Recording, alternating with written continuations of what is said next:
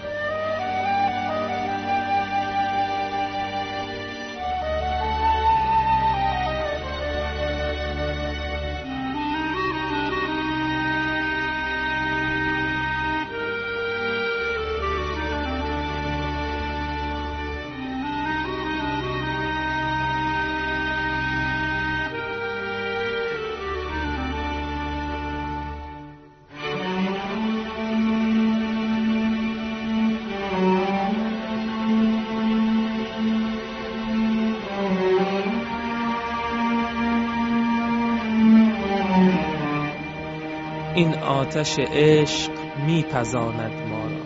هر شب به خرابات کشاند ما را. با اهل خرابات نشاند ما را.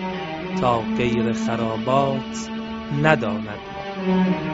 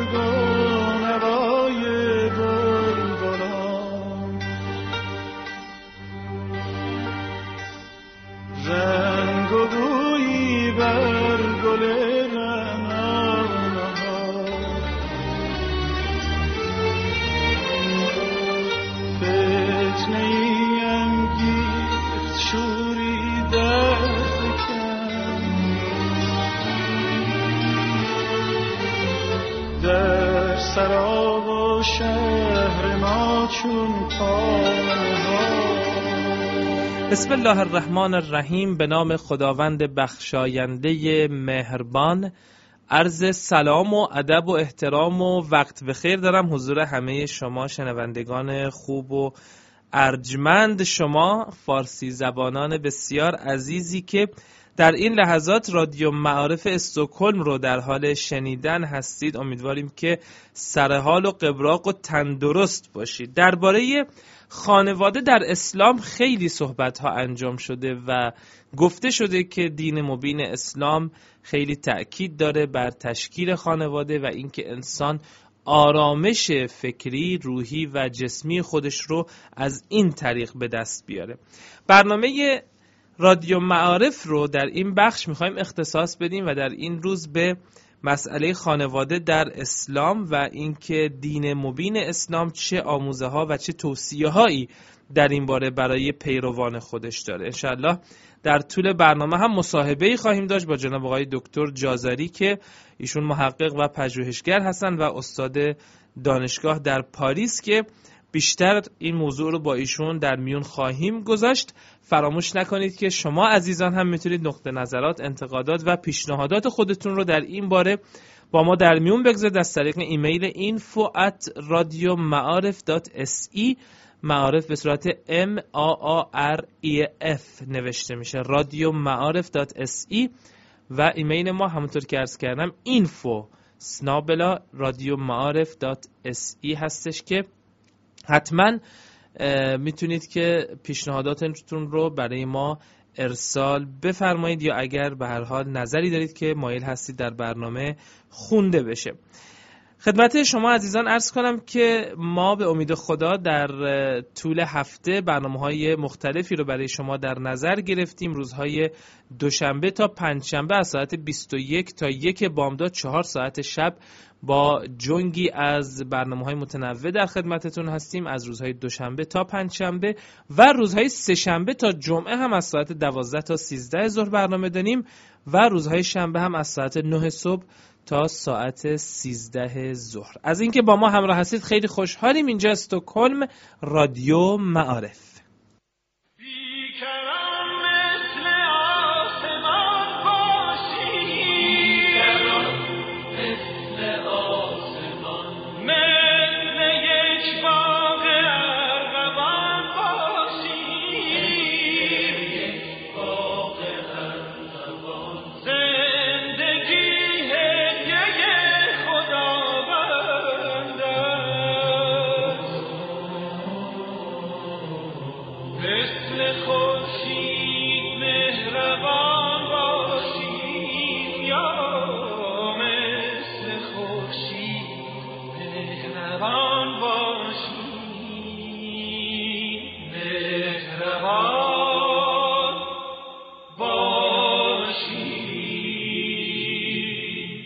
اولین اصلی که پیامبر خدا خیلی روشون تاکید داشتن روی این اصل تاکید داشتن اصل تشکیل و تأسیس خانواده توحیدی بود.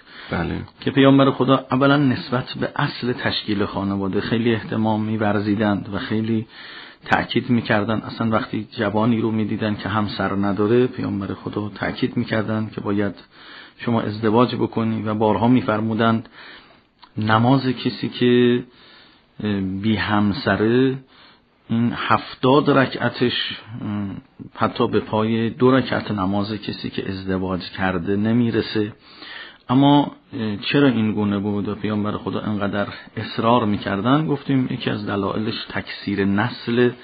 ولی قبل از او و شاید مهمتر از همه اینها این باشه که اصلا ازدواج انسان رو به تکامل میرسونه. ازدواج می‌تونه یک زمینه ای و عرصه ای رو برای بروز صفات خدا در انسان پیاده بکنه. بله. یکی از این اصولی که خیلی پیامبر خدا در خانواده هم روش تاکید میکن اصل مهرورزی. ما وقتی همیشه میگیم بسم الله الرحمن الرحیم برترین و بهترین صفتی رو که از حضرت حق بعد از لفظ مبارک جلاله همیشه به کار می‌گیریم رحمان.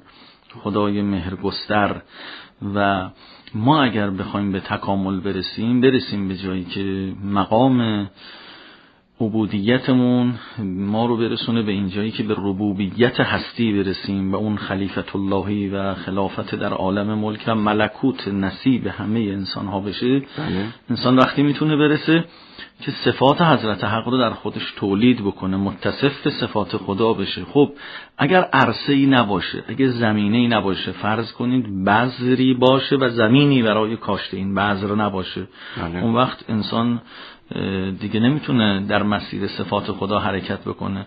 و اگر بر ایجاد خانواده و تشکیل این بنیاد زیبا پیامبر خدا تأکید می‌کنن به خاطر اینکه زمینه بروز این صفات در انسان تولید میشه. بهترین جایی که انسان می‌تونه مهر ورزی بکنه در خانواده است. بهترین جایی که انسان رو می‌تونه به صفاتی برسونه که در هیچ کجای دیگر این صفات هیچ وقت در انسان تولید نمیشه بله. خانواده است. خب اون کسی که دو رکعت نماز می‌خونه در حالی که ازدواج کرده چرا دو رکعت نمازش ارزشش بیشتر از اون کسی است که هفتاد رکعت نماز می‌خونه. برای اینکه ببینید عبادات ما هم در مسیر تکامل ما باید ما رو قرار بده. نماز من باید منجر شه به اینکه در وجود من صفات خدا تولید بشه. بله. اگر من بعد از نماز مهربانتر شدم این نماز منو به خدا نزدیک کرده. من در صفات به خدا نزدیک شدم. این همون قربت الله است که ما میگیم. خب این مهربانی رو حالا یک کسی که نماز می‌خونه و ازدواج نکرده این به کی مهر بورزه؟ خب ممکنه باشه پدر و مادر. ولی آنقدری که انسان می‌تونه مهر خالصانه محبت عاشقانه بگیم تمام ابعاد محبت رو می‌تونه اعمال بکنه اونجا جایی نیست جز خانواده و این عرصه عرصه نیست جز خانواده که انسان می‌تونه اونجا همه محبتش رو نصار همسرش بکنه. اینجا انسان رشد می‌کنه. خب لذا پیامبر خدا انقدر تأکید داشتند. خب نکته دوم که عرض کردیم باز اینجا یک تأکید دوباره ای می‌کنیم که پیامبر خدا همیشه سعی کردن بهترین همسر رو انتخاب کنند و خودشون بهترین ها باشند. بهترین همسرها باشند. و بارها میفرمودند که من بهترین همسر هستم. بهترین شما کسی است که بهترین همسر باشه برای همسرش و من بهترین شما هستم برای همسرم. بله. بعد پیامبر خدا اصل مهرورزی رو در خانواده خیلی روش تأکید می‌کردن. هم خودشون این اصل رو به شدت رعایت می‌کردن و هم اینکه تأکید داشتن بر این اصل. بارها میفرمودن که به همسرتون بگید که من دوست دارم که اصل اظهار علاقه و محبت به همسر که این باید در زندگی وجود داشته باشه. این رو پیامبر خیلی تأکید می‌کردن و باز میفرمودن که هر کسی که به همسر خودش از روی مهر نگاه بکنه خدا به هر دوی آنها با نگاه مهربانانه نگاه می‌کنه. یعنی در واقع نگاه محبت آمیز به همسر زمینه جلب توجه و محبت حضرت حق به این دو نفر خواهد بود. یعنی چگونه اینها باعث تکامل انسان میشه اگر کسی تقرب الله بخواد اگر کسی نزدیکی به خدا بخواد بله. باید اینطوری نگاه مهربانانه بکنه و همسرش که پیامبر میفرمان سبب نگاه محبت آمیز خدا هم میشه باز پیامبر بله. خدا بارها میفرمودن که بعد از یاد خدا بعد از ایمان به خدا هیچ چیزی برای انسان آرام بخشتر از یک همسر مهربان و با ایمان نیست. یعنی در واقع جایگاه همسر رو جایگاه زن رو در ایجاد آرامش در زندگی در کنار جایگاه خدا قرار داده. یعنی می‌فهمید که همینطور که باز نام خدا دل آرام میشه با وجود یک همسر مهربان و با ایمان هم دل انسان آرام میشه. خب این آرامش به چه درد می‌خوره. باز می‌خوام بگیم که این آرامش در واقع هدفش این نیست که لذتهای دنیا رو به وسیله این آرامش درک بکنه. نه.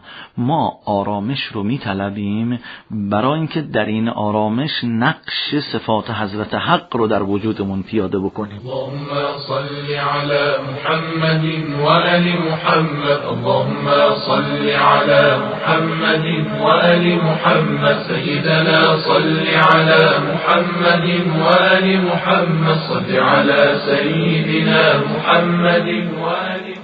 اسلام تشکیل خانواده را که به واسطه عقد نکاح مشروع زن و مرد به وجود می آید مایه تکامل و بهروزی دانسته و محیط خانواده‌ای که بر اساس معیارهای دینی پای ریزی شده باشد را جایگاه آسایش جسم و جان و آرامش روح و روان می داند.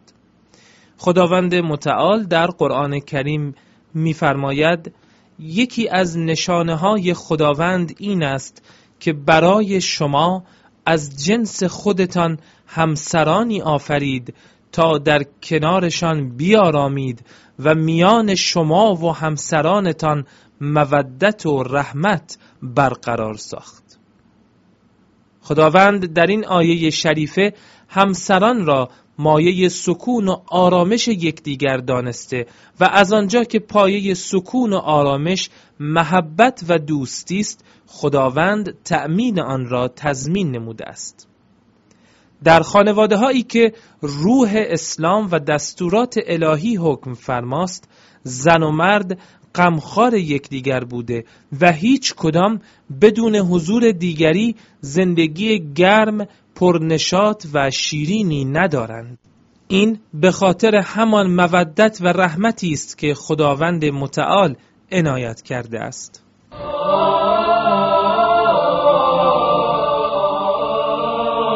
رسول گرامی اسلام حضرت محمد مصطفی صلی الله علیه و آله می‌فرماید هر کس ازدواج کند نصف دین خود را حفظ کرده و باید در مورد نیمه دیگر آن تقوای الهی پیشه کند.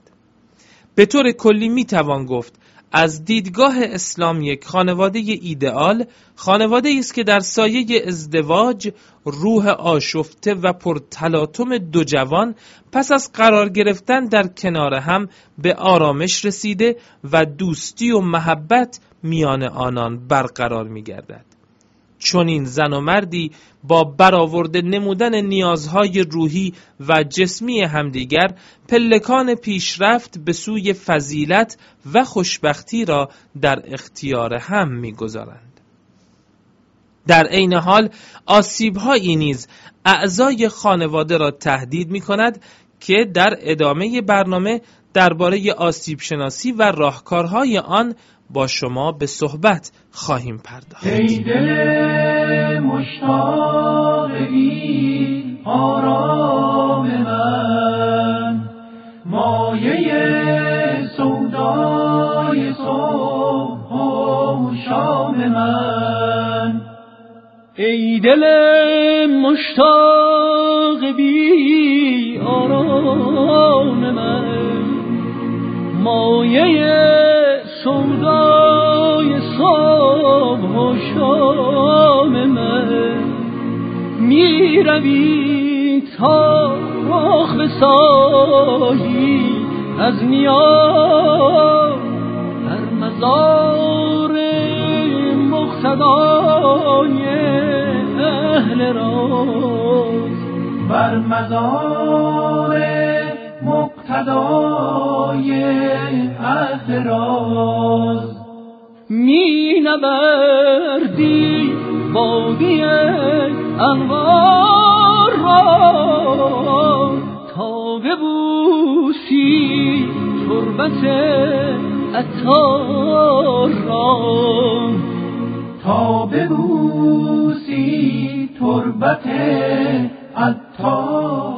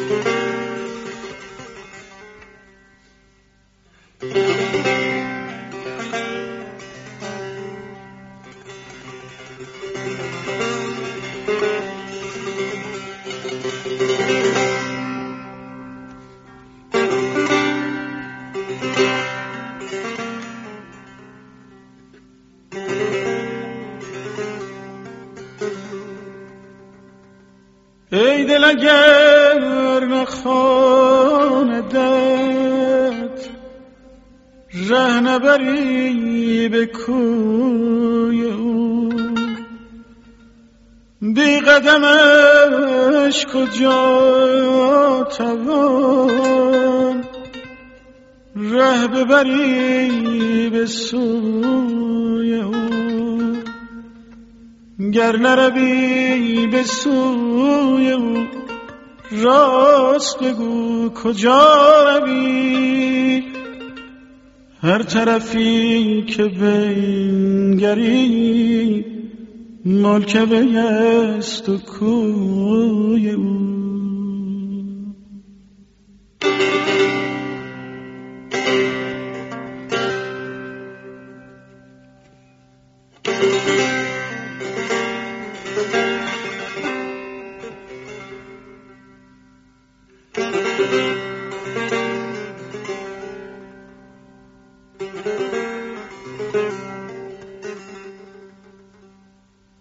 جام و سبوی او منم قالی بوی او منم پیش من آی تا شبی جمله به رنگ و بوی او.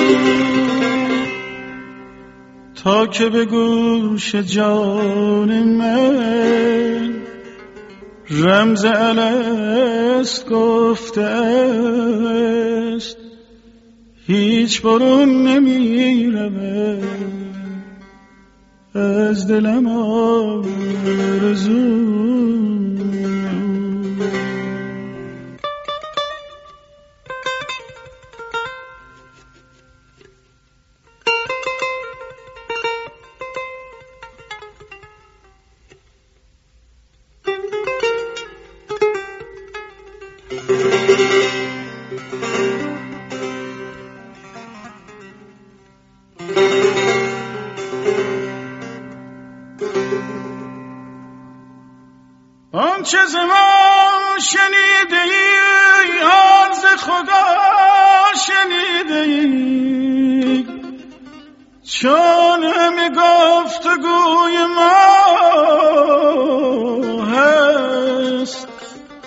گفتگوی او هیچ مجوز هیچ کس نام و نشان من که من غرق محیط گشتم غرق محیط گشتم از رشهات جوی او. وجود فضای آرام و محبت آمیز در میان اعضای خانواده از اصول بنیادی یک زندگی شیرین می باشد. زن و شوهر باید تلاش کنند که در پناه محیط امن خانواده روز به روز دلبستگی و محبت بیشتری ایجاد شود و نگذارند آسیبها بر فضای زندگی شیرین آنان سایه افکند. از آنجا که در زندگی مشترک گاهی خواسته یا ناخواسته اختلافات و مشکلاتی پیش می آید که اگر ادامه پیدا نماید پایه های مهر و محبت همسران را فرو خواهد ریخت بنابراین ضروری است که اصول راهکارهایی برای حل این اختلافات و پیشگیری از متلاشی شدن خانواده ارائه گردد. دین اسلام برای پیشگیری از این مشکلات و حل اختلافات اصول و راهکارهایی را توصیه نموده است که با توجه به آیات و روایات می‌توان این اصول را مورد بررسی قرار داد. از دیدگاه اسلام نخستین آسیب خانواده ضعف ایمان است.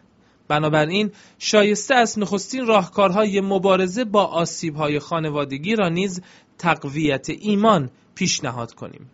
طرح ایمان به خدای یگانه که دارای تمام صفات کمال است از جانب پیامبران برگزیده و فرستادگان او به عنوان مهمترین و اساسی ترین مسئله اعتقادی و زیربنای فرهنگ های الهی و مکتب های آسمانی بوده است. در سایه ایمان به خداوند است که زندگی برای انسان معنای واقعی پیدا می کند و صبر و مقاومت در برابر مشکلات زندگی را برای انسان به ارمقان می آورد. ایمان به خداوند و احساس دلبستگی به ذات مقدس خدا می تواند صدی محکم در برابر آسیبهای ویرانگری که کانون مقدس خانواده را تهدید می کند باشد.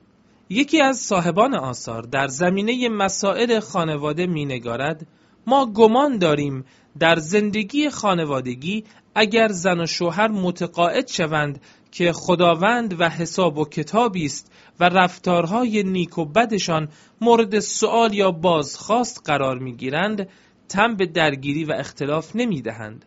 حساب زبان و اعضای خود را دارند و مراقبند دستی به ستم به سوی کسی دراز نکنند و موجب تضییع حقی نشوند. اولویت دادن به فضائل در همه مراحل عمر و در همه جا لازم است و در زندگی خانوادگی لازمتر است. بی توجهی به ضوابط ایمان و اخلاق فضیلتها را می کشد و آثار نشوز و شقاق را در زندگی خانوادگی پدید می آورد.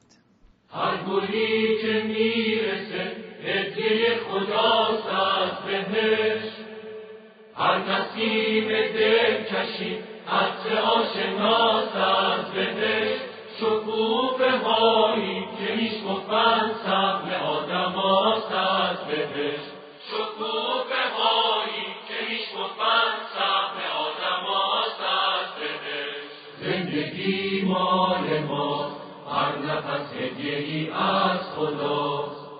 زندگی مال ماست هر نفس هدیه ای از خداست. شنوندگان عزیز شاید تجربه کرده باشین توی یه زندگی خوب و سالم وقتی یه کدورتی بین زن و شوهر به وجود میاد و از دست همدیگه ناراحت میشن یا قهر می‌کنن شاید این قهر بودن خیلی هم طول نکشه.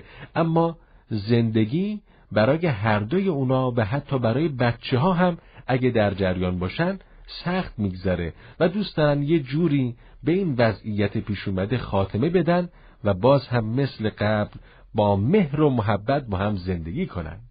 این نشون میده که وجود عشق و علاقه بین زن و شوهر یه اصله که هم زن و شوهر از اون نفع می‌برن و هم فرزندان و این اصل نباید هیچ وقت فراموش بشه. در تعبیر آمده که جهاد المرأت حسن و تبعول همین که زن بتونه خوب همسرداری کنه شوهرداری کنه این داره جهاد انجام میده.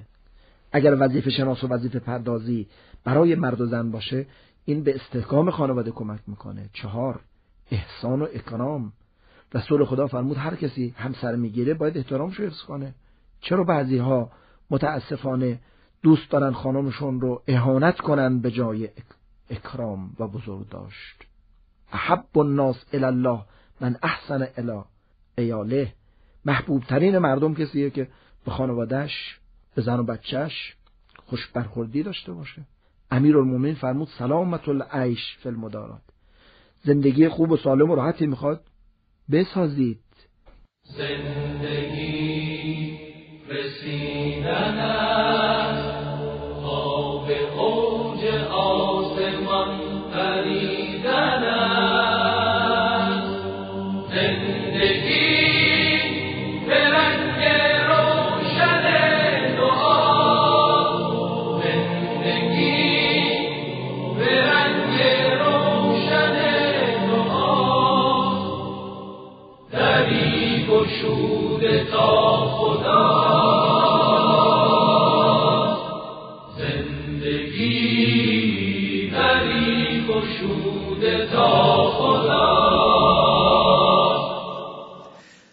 عرض ادب مجدد داریم حضور همه شما شنوندگان محترم و همراهان گرامی برنامه های رادیو معارف استوکن روی طول موج اف ام ردیف 94 و دو دهم مگاهرتز. خدمت شما عرض شود که یکی از دقدقه های خیلی از جوانان شاید بشه ادعا کرد در هر جامعه ای مسئله تشکیل خانواده هست و اینکه به هر حال این یک قدم بزرگی است که تقریبا و معمولا هر انسانی در زندگی خودش میبایستی که برداره.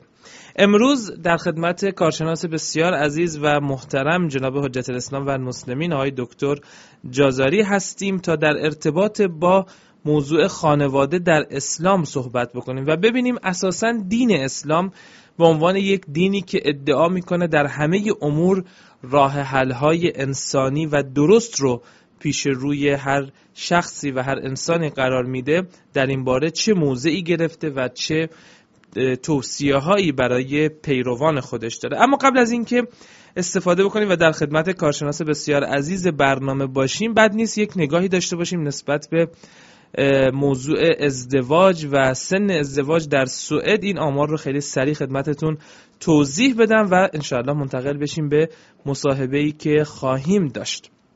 حضور شما از شود که طبق تحقیقات و نظرسنجی که SCB یا مرکز آمار سوئد انجام داده. در سال 2015 یک مقایسه کردن درباره تعداد ازدواج ها در سوئد بین سالهای 90 تا 2014 و نموداری که تهیه شده اینطور نشون میده که تعداد ازدواج ها در سوئد در سالهای اخیر افزایش قابل توجهی داشته. در مقایسه با سال 1990 و ابتدای دهه 90 در حالی که در خود سال 1990 شاهد وقوع تقریبا چهل هزار ازدواج در سوئد بودیم اما در سال 2014 این آمار به تقریبا 48 هزار ازدواج در سال رسیده. البته همین سال 2014 افت داشته نسبت به دو سه سال قبل خودش بین سالهای 2008 تا 2012 بالاترین آمار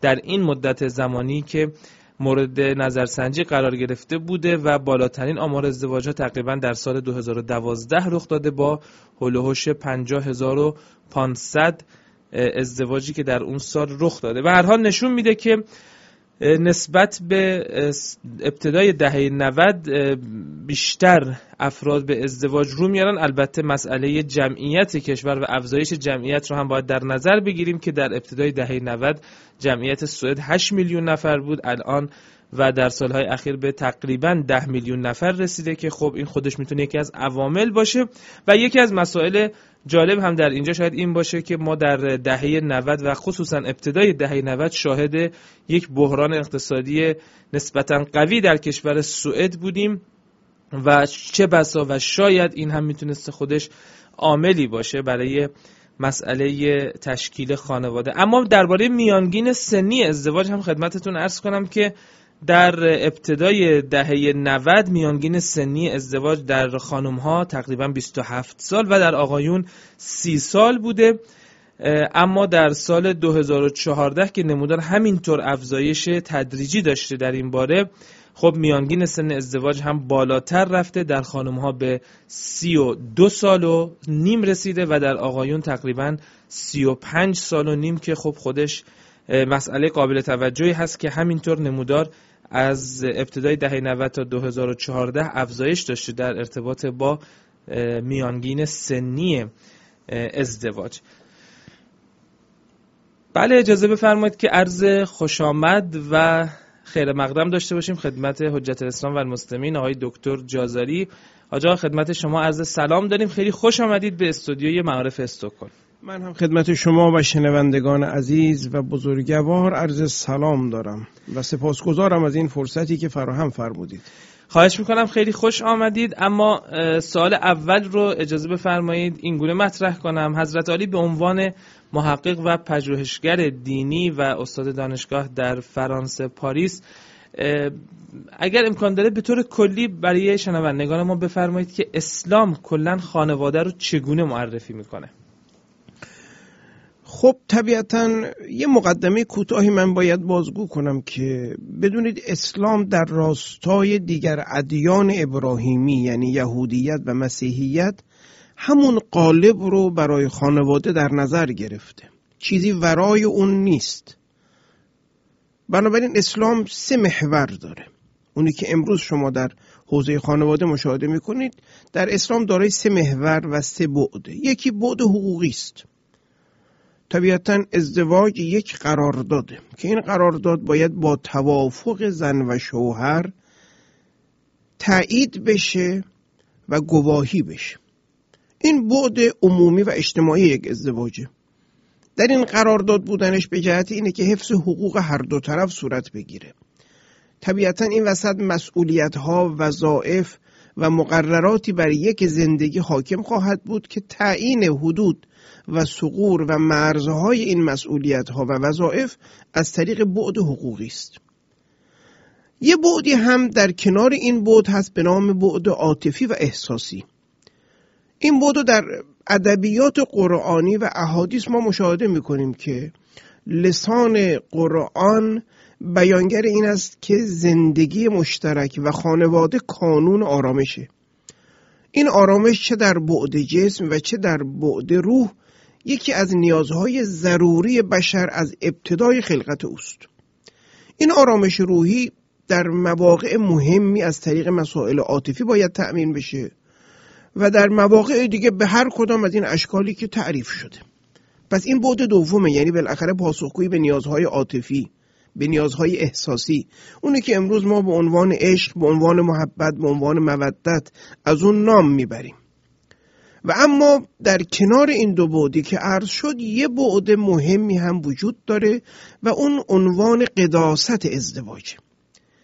برخی در غرب تصورشون از مسئله عقد بودن ازدواج قرارداد بودن ازدواج اینه که این امر یک حیث حقوقی محض داره. بود عاطفی رو هم بعدن بر او مترتب می‌کنیم ولی مسئله قداست مفهوم نیست.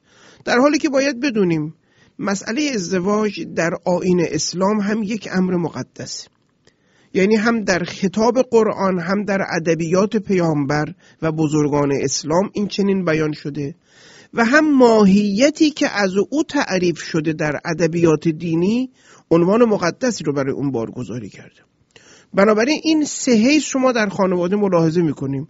همینطور که در یهودیت برای ازدواج تبرک او و خوشیمنی او انجام عقد توسط یک فرد دینی است و یک مراتب دینی در مسیحیت توسط یک فرد دینی است. در محیط کلیسا و با یک شرایط دینی در اسلام هم شما می‌بینید سنت کشورهای اسلامی حالا هر کدام بسته به فرهنگ و تمدن به همین شکله. یعنی ازدواج هم معمولا سعی می‌کنن در زمانی مبارک توسط فرد دینی و غالبا در یک محیط دینی به عمل بیاد. اینها نشونه های همون قداستی است که در کنه ازدواج و خانواده وجود داره. بله بسیار عالی. اما خب همونطور که فرمودید ازدواج یک نوع قرارداد هست که زن و مرد با هم این قرارداد رو حالا به نحوی امضا می‌کنن و وارد این زندگی زناشویی میشن. سوال اینجاست که این قرارداد خب مسئولیت های زیادی رو هم با خودش به همراه داره. باعث میشه که به حال مرد باید یک سری مسئولیت ها رو قبول کنه و حقوق خانم رو رعایت کنه و خانم باید یک سری مسئولیت ها رو قبول کنه حقوق همسر خودش رو رعایت بکنه. بعدها مسئله فرزند پیش میاد. خود فرزندان هم حقوقی دارن که باید توسط پدر و مادر رعایت بشه. اصلا لازمه وارد شدن به چنین چالش هایی چی هست آقای دکتر؟ ببینید بس این است که مسئولیت ها لازمه حیات انسانه.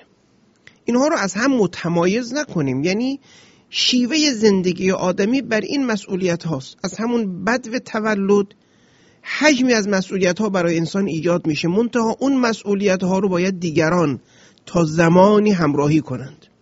بعدی که انسان به سن عقل گرایی و خرد ورزی برسه طبیعتا خود او باید نسبت به خیلی از امور مسئولیتش رو درک کنه و اجرا کنه. کاری که در نظام آموزشی امروز در غرب انجام میشه و این حرکت حرکت درستی هم هست مسئله مسئولیت پذیری در کودک.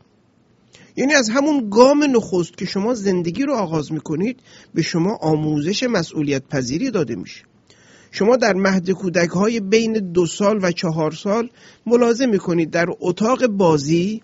وقتی اسباب بازی در اختیار بچه قرار می‌گیره به او آموزش داده میشه که جمع آوری و نظم بخشیدن اسباب بازی ها بعد از اتمام ساعت این هم جزء بازی است. این یه شیوه مسئولیت پذیری است. در نحوه تغذیه کودک همینه تا سنین بالاتر. بنابراین این تصوری که خب زندگی ایجاد مسئولیت می‌کنه خانواده ایجاد مسئولیت می‌کنه چه نیازی پذیرش این مسئولیت باید بدانیم. مسئولیت ها یه عنوان حقوقی است اما تو دل همین مسئولیت ها لطافت ها و زیبایی هایی وجود داره که باید اونا رو درک کرد. مثال خیلی ساده شما غذا خوردن یک لازمه حیات شماست یک مسئولیت شماست برای حفظ سلامت. گاهی کار سختی است گاهی کار پرهزینه است اما با یه شکل زیبا دادن این مسئولیت برای شما یک مسئله شوق انگیز میشه. شما تصور می‌کنید برای تهیه این غذا یه لطافت های خاص یه سلیقه خاص خوردن این غذا و بعد از اون. همین که یک مسئولیت اما شما می‌تونید با سلیقه خودتون به اون لطافت بدید ظرافت بدید. بنابراین صرف مسئولیت بودن ایجاد چالش نیست. نه این یه مسئولیته. اما اونی که هنر من و شماست مدیریت این مسئولیته چگونه این مسئولیت رو سامان بدیم که از این مسئولیت که گاه صورت بسیار دشوار داره لذت ببریم؟ بله ولی خب باز بعضی از افراد هستن چه خانم چه آقا میگن خب برای اینکه این مسئولیت ها رو بخوایم قبول کنیم یک سری آماده سازی ها باید انجام میشه این آماده سازی ها مستلزم اینه که ما خیلی از مسائل رو از قبل آماده کنیم و مثلا شغلمون نمی‌دونم دیگه به حال. حتی تفکراتمون ما اصلا اصلا فکرمون رو آماده بکنیم برای وارد شدن به چنین هیته بزرگی از زندگی خودمون.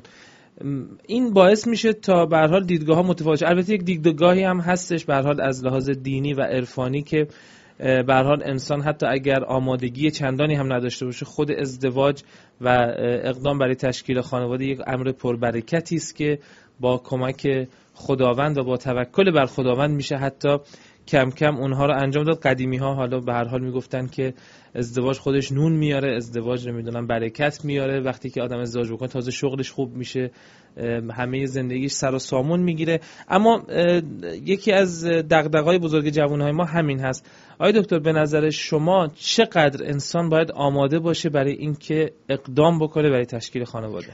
من ابتدای مزاحی با شما بکنم چون ادبیات شما شد کاملا ادبیات شرقی. آها. در غرب در حوزه حداقل اروپا قوانین و نظامات اجتماعی تعریف خاص خودش رو داره درست یعنی جوان بالاخره وقتی از 18 سال خارج شد به پدر مادرش بیان میشه که این باید خودش مسیر معین کنه یا وارد دانشکده میشه درست. یا وارد محیط کار میشه اینجا سزا نظام اجتماعی براش برنامه ریزی کرده. اینجور نیست که این فرد در سن هلوش سی و خورده سالگی بلا تکلیف باشه دنبال شغل بگرده. نه اینجا قانون براش تکلیف مشخص کرده. ازدواج بکنه تکلیف مشخصه. بنابراین این سلسله مسائلی که شما فرمودید در حوزه غرب و مغرب زمین و برای مهاجرینی که در اینجا زندگی می‌کنن یه تعریف نسبی برای خودش پیدا کرده. اون قسمتی که مربوط میشه به بحث کاریزمای فکری شخصیتی اونجا من باید این جمله رو عرض بکنم. بار این قسمت بخشش به عهده خانواده افراده. این خانواده هستن که باید این نظام فکری رو در او به مرور زمان آموزش بدن. و بعد هم نفر مسئله دوم برمیگرده به خود فرد. این خود فرده که باید خودش رو در یه بستر آموزش دیده قرار بده. یعنی آماده شده باشه برای ازدواج. فردی که در محیط دانشگاه در محیط کار تونسته با افراد رابطه متناسبی برقرار بکنه مسئولیت خودش رو فهمیده این در ازدواج هم کار دشواری نخواهد داشت. همون ادامه مسئولیت و فعالیت رو طی خواهد کرد. به نظر من اون دشواری که شما ترسیم می‌کنید این تو بعضی از کشورهای شرقی بله مستاق داره. اما در قالب اروپا و افرادی که در این مناطق زندگی می‌کنن این یک نظام اداری و اجتماعی است که حاکمه. یعنی جوونی که ازدواج می‌کنه این قانونه که مسئولیت رو مشخص می‌کنه وظایف رو قانون به عهده دولت قرار میده وظایف رو به عهده خود دو طرف و امکاناتی رو برای اونها. من فکر نمی کنم به این دشواری که شما ترسیم کردید باشه. خب ولی این به هر حال این سوال پس پیش میاد. حالا در ادامه که اگر همه چیز تعریف شده است و همونطور که حضرت علی میفرمایید پیش بینی شده هست و آمادگی های لازم وجود داره پس چرا الان در ابتدای برنامه گفتیم که مثلا میانگین سن ازدواج مثلا در کشور سوئد همینطور افزایش داشته از سال 90 تا الان و به همونطور که گفتم به 37 سال در بین آقایون رسیده که خب آمار نسبتا بالایی است. می‌خوام به 35 سال و نیم رسیده تقریبا و در خانم ها به 30 سال. پس این افزایش سن خب برای چی از چه عواملی؟ شما ببینید این رو برگردونید به حوزه تحول اجتماعی. ما دورانهای مدرنیسم و پست مدرنیسم رو داریم طی می‌کنیم. یعنی مسئله پست مدرنیسم یعنی صنعتی شدن کامل. به بیان دیگه از صنعتی شدن هم ما داریم یک گامه های گسترده ای رو فراتر میریم. خب لازمه این شرایط اجتماعی فرهنگ های خاصی است که داره روز به روز ایجاد میشه. چه به عنوان خورده فرهنگ بازگو کنیم چه به عنوان یک قالب جدید. این سیستم فکری جدیدی که در جامعه بشری داره رشد می‌کنه خب یه جاهایی به تعبیر ما مسئولیت ها رو تیره می‌کنه یه جاهایی مسئولیت ها رو محدود می‌کنه یه جاهایی به نوعی گریز از محدودیت در افراد ایجاد می‌کنه. این قالب جدیده. یعنی شما, که شما بفر... گریز از محدودیت نه مسئولیت. در هر دو قالب شما اینو مشاهده می‌کنید. اینکه شما می‌بینید تأخیر در سن ازدواج اولا گاهی اوقات شرایطی پیش میاد که این فرد نیازی رو که در پنجاه سال قبل می‌تونست برای ازدواج پیدا بکنه الان با تاخیر نیاز رو پیدا می‌کنه. این حس تغییر کرده یعنی زمانبندی این احساسات عوض شده. من مثال خیلی ساده برای شما بزنم. شما در قدیم یادتونه مثلا بعضی میوه‌جات مربوط به یه فصل خاصی بود. شما خیار رو توی فصل معینی می‌تونستید به دست بیارید. کشاورزیش تعریف شده بود. میوه‌جات دقیقا در همون فصل بود. اینجور نبود که شما زمستون به یه سلسله میوه ها دسترسی داشته باشید تابستون. نه اینو کاملا مشخص بود. امروز با همین فراوری و تکنولوژی این فناوری جدید و تکنولوژی شما می‌بینید همه چیز در همه زمان ممکنه. مسئله ازدواج هم همین بود. معمولا جوان خیلی از نیازها رو باید متوقف می‌کرد مجبور به توقف بود تا زمان ازدواج. چه دختر و چه پسر. اما الان شرایط اجتماعی عوض شده. این تغییر ابعاد ازدواج تغییر ماهیت اجتماعی و فرهنگی تأثیر خاص خودش رو هم به جا می‌ذاره. بعد به نظر شما الان این مسئله منفی هست یا مثبت هست این تحولاتی که صورت گرفته؟ اگر بخوایم نگاه کلی اسلام درباره خانواده رو ببینیم و مقایسه بکنیم. ببینید ما بهتر اینه که در بررسی و واکاوی مسائل اجتماعی به دنبال نقد کمتر باشیم به دنبال راهکار باشیم. این که ما بگیم این خوبه یا این بده این نمی‌تونه یک کار تحقیقاتی باشه. کار محقق بررسی و آنالیزه. ما داده ها رو در اختیار مستمع قرار میدیم. او باید بررسی کنه. من در این جایگاه نباید قرار بگیرم که تکنولوژی و صنعت رو نقد کنم. چون در یک بود ما دچار چالش شدیم. یا این یک بود رو من تایید کنم چون در اون بود دچار چالش شدیم. این هنر من و شما نیست. ما باید نگاه کنیم که فرایند اجتماعی این تحولات رو داشته و این تحولات در آینده بیشتر هم خواهد شد. ما چه مسیری رو باید طی کنیم؟ اون وظیفه ما تعیین راهه. نه نقد کردن در این مرحله. و نه آخه اینجا الان آقای دکتر حالا به عنوان بخش آخر مصاحبه چون فرصت این مصاحبه همونم رو به اتمام هست ولی مثلا میگن وقتی که خب سن ازدواج بالا میره طبیعتا اون آقا و خانم دیرتر هم بچه دار میشن. همین باعث میشه که به هر حال نتونن وقت خوبی با بچه خودشون بگذارن. اون از اون حوصله دیگه به هر حال خارج میشه که بخوان به مسئله تربیت بپردازن حالا من دارم به یکی از مسائلی که به هر حال دیدگاه خب من... مقابل ادعا می‌کنه می‌پردازم. ولی خب خیلی از مسائل دیگه هم گفته میشه. یعنی حالا ما اگر بخوایم از مرحله فقط ارائه داده ها بگذریم و به مرحله پیشنهاد و برای یک راه حل برسیم. من ناچارم همون مزاح اول رو دوباره تکرار کنم. باز برگشتی تو ادبیات شرقی. درست. ببینید ما در اینجا فقط مسئله ارتباط ما هم اکثرا برای فرهنگ خب شرقی اونا اینجا زندگی می‌کنن. بله، شنوندگان اینجا ببینید اینکه شما میفرمایید مسئولیت تربیت و آموزش. آموزش دیگه از پدر مادر گرفته شده. مسئله آموزش خیالتون راحت باشه که در غرب تعریف معین داره. چون یک نظام آموزشی کلکتیو وجود داره. برای تربیت دینی و خب فرهنگی. حالا همین قسمت رو می‌خواستم عرض کنم. ببینید اون دائره مسئولیت پدر مادر برای کسی که در غرب زندگی می‌کنه کاهش پیدا کرده. مسئولیتش خلاصه شده در سه بعد یک سنت های فامیلی و انتقال او به فرزند. که در دل این سنت ها شما مسائل فرهنگی مسائل اعتقادی و مسائل عاطفی رو باید ببینید. دو یه سلسله تأمین های به اصطلاح ما حقوقی. که نسبت به فرزند داره.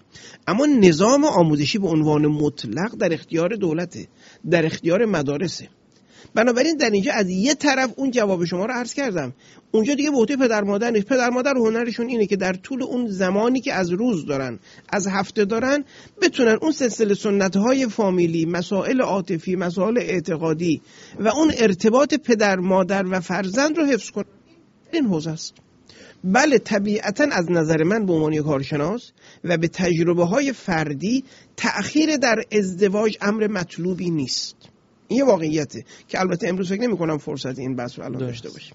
بله اتفاقا این مسئله اختلاف فرهنگ و دیدگاه ها بین نسلی که مهاجرت می‌کنه و نسل جدیدی که اینجا به دنیا میاد و بزرگ میشه عنوان مصاحبه است که دوست داریم باز هم با شما داشته باشیم حتما در مصاحبه. دوم درباره موضوع خانواده در اسلام اما در اینجا به پایان این مصاحبه و این برنامه می‌رسیم. خیلی ممنون از اینکه تشریف آوردید و در برنامه حضور داشتید. من هم سپاسگزارم از محبت خیلی ممنون. از. شنوندگان محترم خداحافظ شما. از شنوندگان محترم دعوت می‌کنم. با ادامه برنامه از رادیو معارف استکهلم همراه باشن. آفرید از گل و آینه و لبخند تو را. سپس از عطر نفسهای خود پاکند تو را. مصحف رازی و در صبح نخستین جهان بر افق با قلم نور نوشتن تو را. بشر و این همه آینگی و شفافی از چه خاکی مگر پاک سرشتن تو را از چه خاکی مگر پاک سرشتن تو را ومن آياته أن خلقكم من تراب ثم إذا أنتم بشر تنتشرون. ومن آياته أن خلق لكم من أنفسكم أزواجا لتسكنوا إليها وجعل بينكم مودة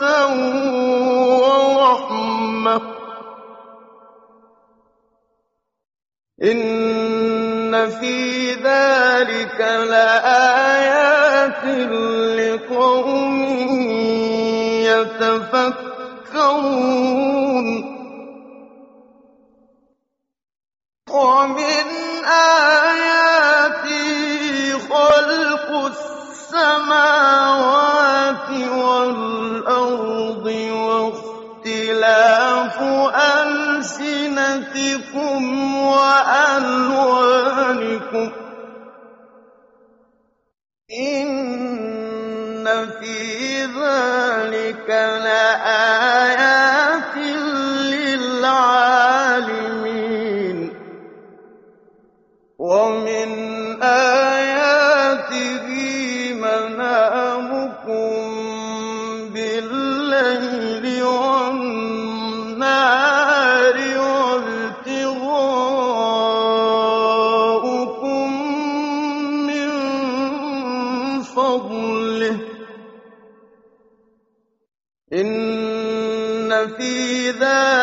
لآيات لقوم يسمعون. و از نشانه های حکمت او خواب شما در شب و نیمروز و جستجوی شما روزی خود را از فزون بخشی اوست. در این معنا نیز برای مردمی که میشنوند قطعا نشانه است. و از نشانه های او این که از نوع خودتان همسرانی برای شما آفرید تا بدانها آرام گیرید و میانتان دوستی و رحمت نهاد. آری در این نعمت برای مردمی که میاندیشند قطعا نشانه است. این صدا همیشه هر جا که باشی می‌تونه هم دل و همراهت باشه. بین دلهای قریب آدما می‌تونه عطر رفاقت بپاشه. می‌تونه عطر رفاقت بپاشه. این صدا این صدا همیشه هر جا که باشی می‌تونه هم دل و همراهت باشه. بین دلهای قریب آدما. می‌تونه عطر رفاقت بپاشه. می‌تونه عطر رفاقت بپاشه. خب خسته نباشید همراهان عزیز و ارجمند. همچنان با برنامه رادیو معارف استکهلم در خدمتتون هستیم. امیدوارم که تا پایان این برنامه با ما همراه باشید. درباره خانواده و جایگاه خانواده در اسلام گفتیم و مصاحبه ای که تقدیم حضورتون شد. این مصاحبه بخش دومی هم داره که انشاءالله در برنامه آتی رادیو معارف استوکم تقدیم حضورتون خواهیم کرد. عرض شود که بد نیست یک صحبتی داشته باشیم درباره نشریه داگنس مسلیم که یک نشریه ماهانه هست یک ماهنامه است که توسط مرکز اسلامی امام علی علیه السلام هر ماه منتشر میشه. چون هستن خیلی از عزیزانی که اعتقاد دارن به هر حال دوست دارن که درباره دین اسلام به زبان سوئدی مطالعه کنن و خصوصا فرزندانشون یا آشناهاشون که آشنایی چندانی با زبانهای فارسی ندارن یا فارسی یا کردی یا عربی یا زبانهای دیگه. به هر حال دوست دارن که درباره اسلام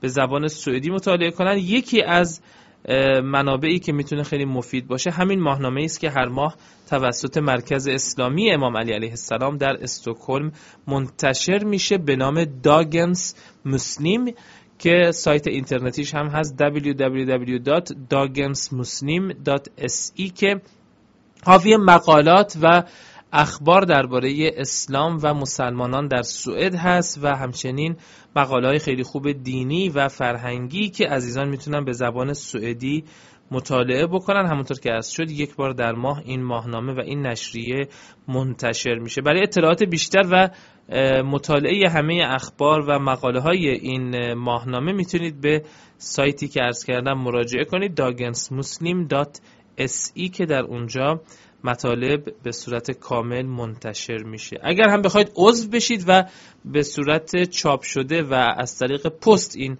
ماهنامه رو دریافت کنید باز هم می‌تونید از طریق همون سایت dagensmuslim.se برگه اشتراکی هست که تکمیل می‌کنید و ارسال می‌کنید برای مرکز اسلامی امام علی علیه السلام در یرفلا استکهلم و در اونجا انشاءالله رسیدگی خواهد شد و هر ماه ماهنامه برای شما ارسال می شود به لحظات پایانی برنامه رادیو معارف استکهلم می‌رسیم. خیلی ممنون از اینکه با ما همراه بودید.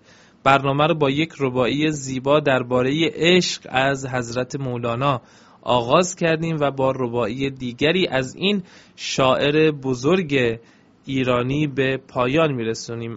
اندر سر ما همت کاری دگر است. معشوقه خوب ما نگاری دگر است. والله که به عشق نیز قانع نشویم ما را پس از این خزان بهاری دگر است. خداوند یار و نگهدارتان